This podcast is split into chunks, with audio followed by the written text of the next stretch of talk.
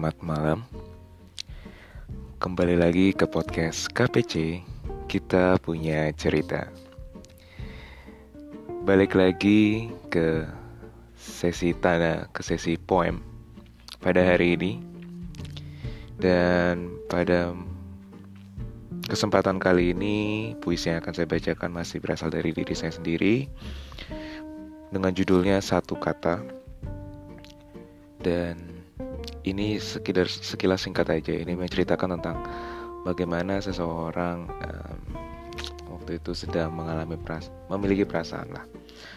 Dan ini saya tulis waktu itu udah sejak dari SMP SMP dan ya waktu itu masih namanya ya zaman zamannya suka-suka kita monyet lah ya. Langsung aja didengerin puisinya.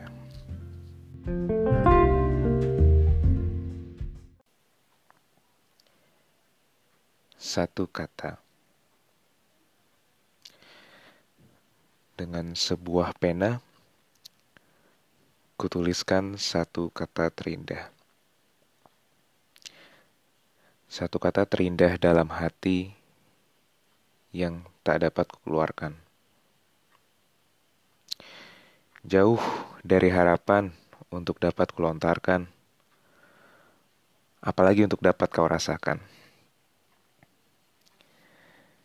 Apa arti dari satu kata terindah itu? Apa artinya? Aku tak tahu. Orang lain pun juga tak tahu. Aku hanya berkata dan menulis begitu saja. Tapi, benar tak mungkin jika aku tak tahu. Apa arti satu kata itu belum terpecahkan. Namun akan tetap kutulis satu kata itu dalam hatiku yang tak terpecahkan.